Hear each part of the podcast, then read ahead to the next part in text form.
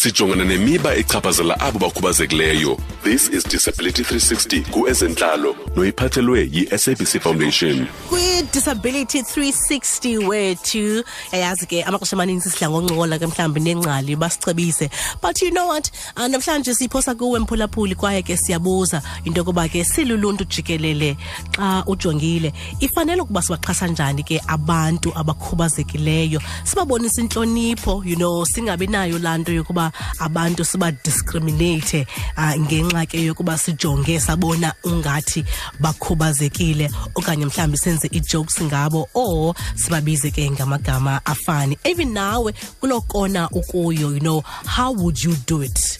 And or how do you do it?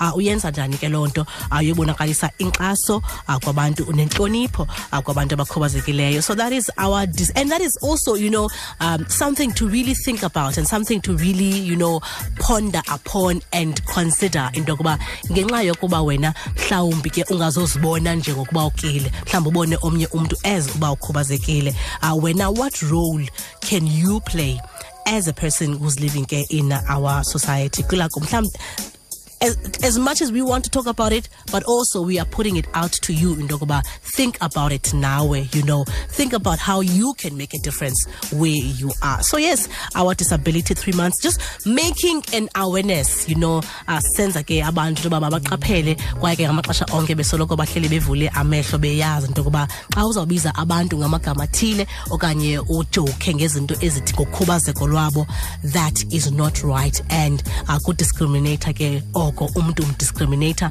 ngenxa yokhubazeko lwakhe. Idisability 360 ubuyiphathelwe yi-true fm ibambisene ne-sabc foundation. For more disability content visit sabc disability 360 on facebook or follow at sabc disability on twitter